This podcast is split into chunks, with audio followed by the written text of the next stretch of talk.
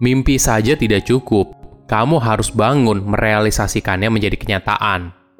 Halo semuanya, nama saya Michael. Selamat datang di channel saya, Sikutu Buku. Kali ini saya akan bahas kisah inspiratif dari Rudy Salim, CEO dari Prestige Corporation. Dia adalah pengusaha muda yang sukses berjualan mobil mewah. Sebelum kita mulai, buat kalian yang mau support channel ini agar terus berkarya, caranya gampang banget. Kalian cukup klik subscribe dan nyalakan loncengnya Dukungan kalian membantu banget supaya kita bisa rutin posting dan bersama-sama belajar di channel ini. Rudy Salim lahir di Jakarta pada tahun 1987. Dia lahir dalam keluarga dokter. Ayah, ibu, dan kedua kakaknya berprofesi sebagai dokter. Lahir dalam keluarga dokter membuat Rudy dipaksa keluarganya untuk jadi dokter karena ukuran sukses bagi keluarganya adalah dengan menjadi dokter. Rudy lalu mengikuti keinginan orang tuanya untuk kuliah kedokteran. Namun, karena tidak ada passion di bidang tersebut, dia pun akhirnya drop out di semester kedua. Orang tuanya lalu mengiming-imingi dia sebuah mobil Mercedes-Benz apabila mau melanjutkan kuliah dokternya lagi. Akhirnya dia menuruti keluarganya untuk melanjutkan kuliah jurusan dokter di universitas lain. Namun kembali lagi, karena dari awal tidak ada passion, hal ini membuat Rudy drop out kedua kalinya di tempat kuliah yang berbeda. Kali ini orang tuanya marah besar, karena dia dianggap membangkang, Bahkan dia sampai dimarahi dan dikatakan tidak usah ketemu lagi kalau belum sukses. Kondisi ini lalu membuat Rudy bingung soal masa depannya. Rudy memulai usaha sejak usianya 19 tahun. Bisnis awalnya yaitu di microfinance. Baru beberapa tahun kemudian, dia memulai bisnis mobil mewah. Pada tahun 2009, dia mendirikan usaha yang bernama Excel Trade. Ide ini berasal dari hasil diskusi dengan temannya yang bekerja di perusahaan dealer elektronik. Mereka kemudian mengobrol secara detail soal model bisnisnya, mulai dari simulasi cicilan hingga berapa besar pinjaman yang bisa diambil oleh setiap orang. Hingga akhirnya, Rudy pun memutuskan untuk memulai. Modal awal dari bisnis microfinance-nya berasal dari hasil penjual mobil Mercedes-Benz miliknya sebesar 400 juta rupiah. Usaha pertamanya merupakan pembiayaan mikro secara online, karena saat itu kebanyakan model bisnisnya bergerak secara tradisional, jadi, model bisnis microfinance zaman dulu modalnya sangat besar, harus punya ruko dan punya barang untuk dikreditkan. Walaupun begitu, karena sistemnya offline, jangkauannya sangat sedikit, yaitu hanya tersedia bagi orang yang berada di sana.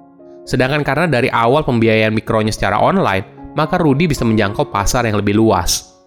Dia pun menawarkan pinjaman dengan maksimum dana sebesar 5 juta rupiah. Jadi, konsumen banyak memanfaatkan pinjaman ini untuk membeli barang elektronik, seperti handphone, laptop, dan sebagainya. Rudy pun lalu mulai menawarkan usahanya melalui platform forum online bernama Kaskus. Ternyata strateginya tepat. Maklum saja, pada saat itu belum banyak yang memanfaatkan platform online untuk menawarkan pinjaman. Boleh dibilang, apa yang dilakukan oleh Rudy pada masa itu merupakan salah satu pelopor dari bisnis fintech. Kepekaan Rudy dalam berbisnis berbuah manis, dalam waktu dua minggu saja, banyak orang sudah mengantri untuk melakukan pinjaman secara online kepada Rudy, dan modal awal hasil jual mobilnya sudah habis. Rudy pun semakin bersemangat dan berusaha mengumpulkan investor untuk investasi di perusahaannya. Dalam waktu enam bulan, Rudy berhasil menggait 600 pelanggan melalui usaha pembiayaan mikronya.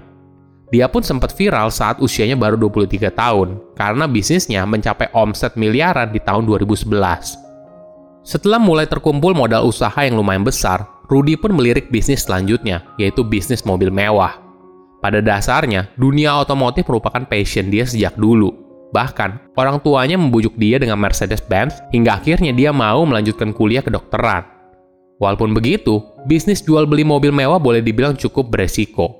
Karena pasar mobil mewah di Indonesia itu sangat terbatas untuk kalangan tertentu, Rudy pun belajar lebih jauh soal mobil mewah, termasuk soal regulasi apa saja yang terkait dengan mobil mewah. Hingga akhirnya dia bisa tahu kenapa harga mobil mewah di Indonesia bisa beda hingga tiga kali lipat dari harga asalnya. Selain itu, ada banyak sekali dokumen, perizinan, dan pajak yang harus diurus sehingga margin keuntungan juga tidak terlalu besar karena harga dasarnya sudah cukup tinggi. Setelah dipelajari soal model bisnisnya, Rudy akhirnya memberanikan diri untuk impor tiga mobil pada tahun 2012. Cara menjalankan bisnis ini boleh dibilang jauh berbeda saat dia menjalankan usaha microfinance. Di microfinance, dia berusaha untuk mendapatkan pelanggan yang jumlahnya relatif banyak. Sedangkan di bisnis mobil mewah, tipe konsumen yang berbeda, maka perlu juga pendekatan yang berbeda. Di pola bisnis yang berbeda, maka hukum serta spesifikasi bisnisnya juga berbeda. Ketekunan Rudy dalam menjalankan bisnis mobil mewah ternyata berbuah manis. Saat ini, Prestige sudah tersedia 8 cabang di luar Jakarta. Konsumennya pun bukan hanya di Indonesia, tapi beberapa mobil mewah yang merupakan bagian dari koleksi terbatas juga dijual ke luar negeri. Walaupun kelihatan bisnisnya sukses, Rudy mengaku kalau dia sering mengalami banyak kegagalan. Pada waktu menjalani bisnis pertamanya yaitu microfinance, dia sering mengalami penipuan. Rudy bercerita saat menjalani usaha microfinance, ada sindikat penjahat yang melakukan penipuan dengan menggunakan identitas palsu untuk membeli barang. Kejadian ini membuat Rudy harus terus memperbaiki perusahaannya, mulai dari sistem, sumber daya manusia, dan sebagainya. Di bisnis lain, dia juga sempat mengalami beberapa kali kegagalan, Misalnya, ketika dia bersama Raffi Ahmad membuka usaha rumah produksi. Ada beberapa film yang sukses dan laku di pasaran, namun juga ada yang kurang begitu laku. Bagi Rudy, kita tidak boleh melihat bisnis dari segi lakunya saja. Itu bukanlah bisnis. Namun, kalau kita bisa menemukan kesalahan dalam berbisnis, lalu memperbaikinya menjadi lebih baik, maka di situlah kenikmatan dalam berbisnis. Rudy memberikan tips bagi kamu yang ingin mulai berusaha. Rudy mengutip ungkapan dari almarhum Bosadino yang menekankan kalau bisnis yang baik adalah bisnis yang dimulai. Jadi, kalau bisnisnya tidak pernah dimulai, kita tidak akan pernah tahu apakah bisnisnya berjalan atau tidak. Dia juga menekankan, kita tidak boleh pernah berhenti bermimpi pada hal yang kita cita-citakan. Tapi mimpi saja tidak cukup. Banyak orang terlalu lelap dengan mimpinya sehingga tidak pernah bangun dari mimpi yang panjang. Kita harus bangkit dari tidur untuk merealisasikan mimpi itu menjadi kenyataan. Rudy pun menekankan soal diversifikasi. Di usianya yang relatif muda yaitu 30 tahunan, Rudy memiliki puluhan bisnis yang beraneka ragam, mulai dari microfinance, restoran, makanan ringan, mobil mewah, hingga rumah produksi. Hal ini dia lakukan untuk membagi resiko bisnisnya ke banyak sektor, karena tentu saja bisnis itu tidak selamanya naik, pasti ada turunnya. Maka ketika bisnisnya turun, ada bisnis lain yang menopang.